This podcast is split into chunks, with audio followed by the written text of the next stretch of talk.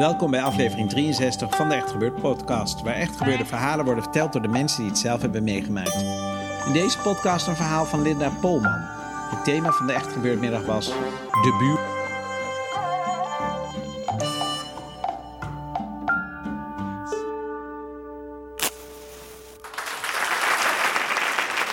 Um, ik ben uh, een paar uur geleden ben ik uh, uh, thuisgekomen uit Jeruzalem. En dat zeg ik niet om, om hè, voor het effect van ik lekker wel en jullie lekker niet. Maar het is omdat Jeruzalem later in mijn verhaal opeens een rol gaat spelen. En het is ook omdat mij opviel, hè, ik wist dat ik hier over buren ging praten. En het viel mij op dat ze in Jeruzalem interessante, een interessante aanpak hebben voor lastige buren. Ze hebben daar gewoon een hele hoge muur gemetseld.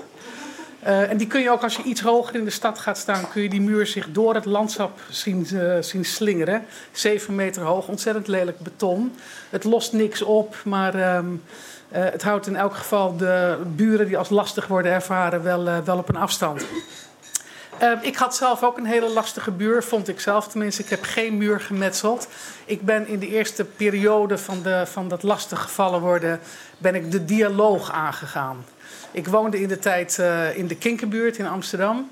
Um, en uh, ik zat op de tweede etage en de buurvrouw van wie ik last had, zat op de derde etage. En aan zich was dat echt geen kwaad vrouwtje. Het was een Hindoestaans vrouwtje, was het, met lange, wapperende zwarte haren. Een beetje altijd hetzelfde fale trainingspakje aan. Een beetje een morsig, morsig typetje was het. Um, en die, uh, die kloste elke dag van drie hoog naar beneden de straat op met een plastic zak vol met kattenbrokken. En die ging dan de, de zwerfkatten in de buurt voeren.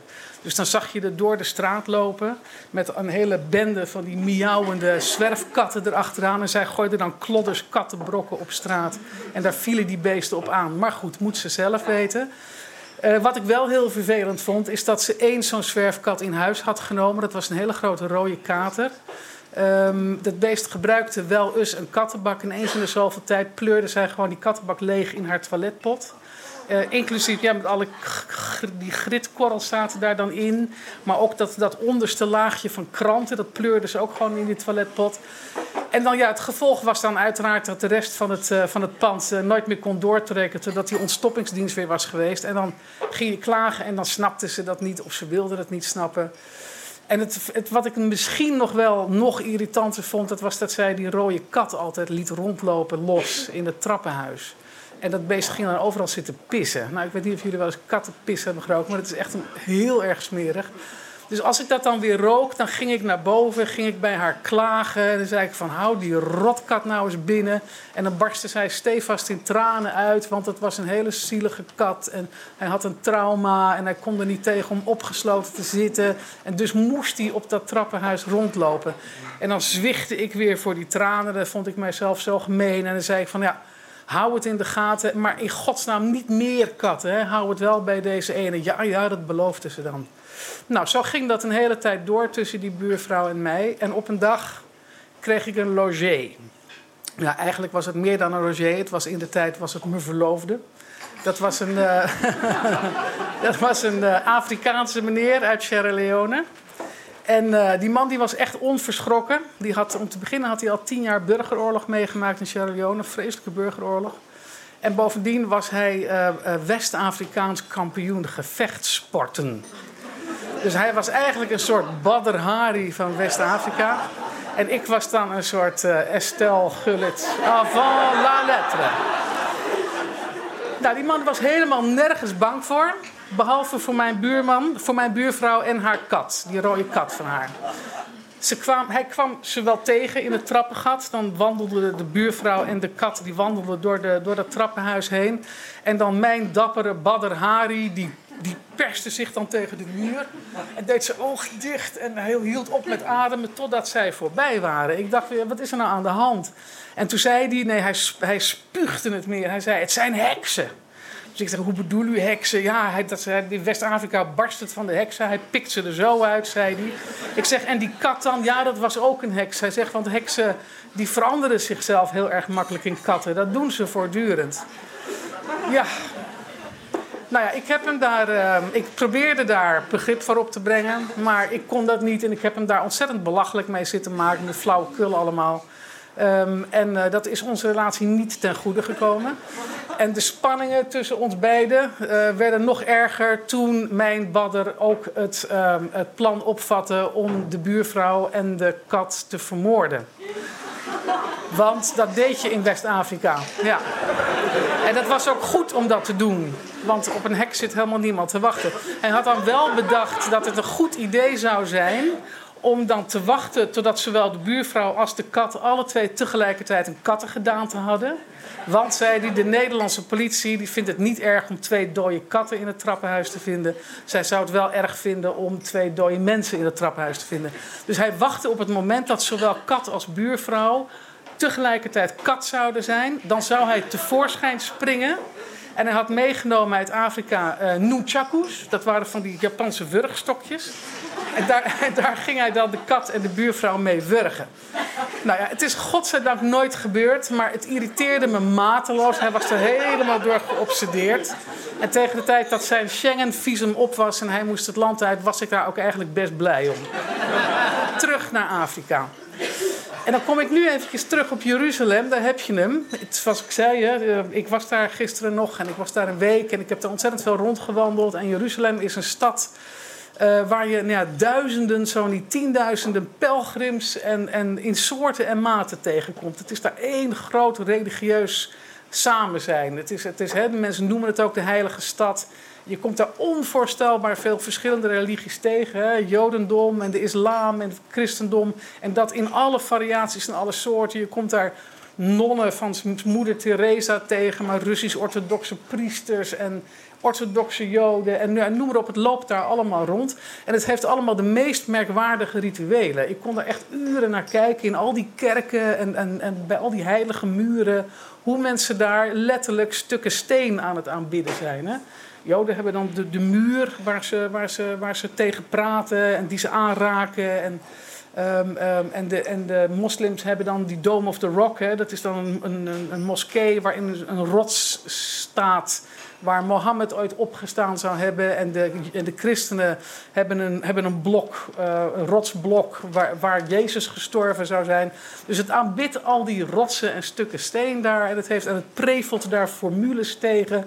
En iedereen is er dan van overtuigd dat je dan ja, het heilige in je krijgt. En dat je contact hebt met God en dat dat goed is voor je. En mensen geloven er echt in. Niet alleen in Jeruzalem, maar er zijn natuurlijk tientallen miljoenen mensen, misschien wel honderden miljoenen mensen over deze hele aarde. die in dat soort rituelen geloven. En ik was van plan om uh, het verhaal van mijn badder um, um, ja, vanavond een beetje lollig te vertellen. Van ja, die, uh, die malle Afrikaan met, met zijn malle bijgeloven. Maar uh, toen ik daar door Jeruzalem liep, toen dacht ik van ja, maar zo mal hij, hij, was niet veel maller als dat wij eigenlijk zijn met, met onze rituelen. En dat met zijn tientallen of misschien wel met zijn honderden miljoenen tegelijk. Dus ik ben daar iets anders tegen aan gaan kijken, tegen dat verhaal. En ik ga er dus ook een stukje aan vastplakken. Iets wat er gebeurde met de buurvrouw toen mijn badder alweer in, uh, in Sierra Leone was. En dat was het volgende. Um, ik hoorde, um, uh, op een avond hoorde ik geluid op de derde etage boven mij. Ik hoorde twee katten rondrennen ik weet niet of jullie wel eens uh, kat, katten bij de bovenburen hebben gehoord. Maar dan hoor je prrrt, en dan gaat het zo van de voorkamer naar de achterkamer. Prrrt, weer terug achter elkaar aanrennen. Ik dacht, godsamme zeg, heeft dat mens toch een tweede kat genomen? Ik naar boven, ik aankloppen. Je hebt toch een tweede kat genomen. Waarop zij zei, nee hoor, zegt ze, ik heb nog steeds maar één kat. Ik denk, nee, jij liegt. En toen ben ik aan de deur gaan luisteren, mijn eigen deuren bij, uh, bij het trappenhuis. En ja hoor, daar hoorde ik die katten de trappen op en af rennen. Die trap op, die trap weer af. Ik denk, ik ga ze betrappen. Ik wacht tot ik die twee katten hoor. En dan ruk ik die deur open en dat deed ik dus. Ik hoorde die twee katten. Ik ruk die deur open met een aha! Maar het waren geen twee katten. Wat er voor mij stond, voor, op, mijn, op mijn etage voor mijn deur, of wat er voor mij zat eigenlijk, dat was die grote rode kater van de buurvrouw met daarnaast de buurvrouw. Ze zaten alle twee op de grond voor me, omhoog te kijken. Ja, het was echt, echt waanzinnig.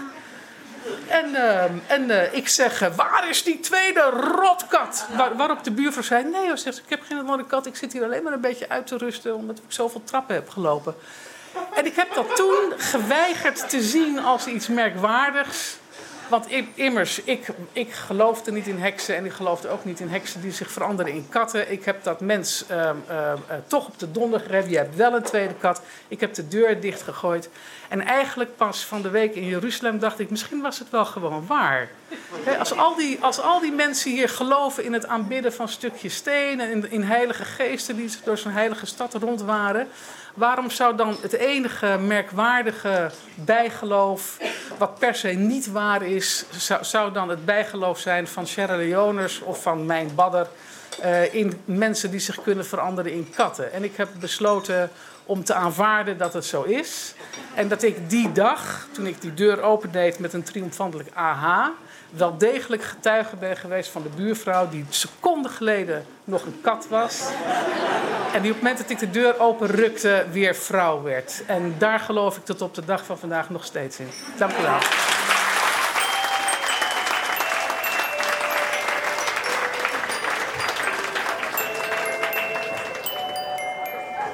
Dat was Linda Polman, die we iedere keer weer met liefde op ons podium terugvragen omdat ze zo goed kan vertellen over haar wonderlijke leven. Schrijven doet ze ook, zoveel boeken zelfs, dat ik ze hier niet eens allemaal op kan noemen. Echt gebeurd wordt iedere derde zondagmiddag van de maand opgenomen in Toemler, boven op het Hilton in Amsterdam. Heeft u zelf een bijzonder verhaal te vertellen of wilt u er gewoon een keertje bij zijn als er echt gebeurde verhalen worden verteld? Ga dan naar www.echtgebeurd.net. Daar kunt u zich ook opgeven voor onze nieuwsbrief. Bovendien is Echt Gebeurd te vinden op Facebook en Twitter. De redactie van Echt Gebeurd bestaat uit Eva Maria Staal, Paulien Cornelissen, Rosa van Dijk, Eva Zwaving en mijzelf, Micha Wertheim. De techniek is in handen van Vrijman en Vrijland. Dit was de 63ste podcast van Echt Gebeurd. Als dat niet genoeg is, er is dus ook al lang een Echt Gebeurd luisterboek. Ideaal om cadeau te doen aan mensen die geen podcast kunnen luisteren. Op het luisterboek staan ook een paar mooie verhalen die nog nooit in de podcast hebben gestaan. Kortom, geef het door en aarzel niet om ons goed te beoordelen op iTunes. Bedankt voor het luisteren en tot de volgende podcast. En vergeet niet, een kat die op een bezem door de nacht vliegt, hoeft niet per se een heks te zijn. Het kan ook een kat zijn die een bezem heeft en graag s'nachts een vluchtje maakt.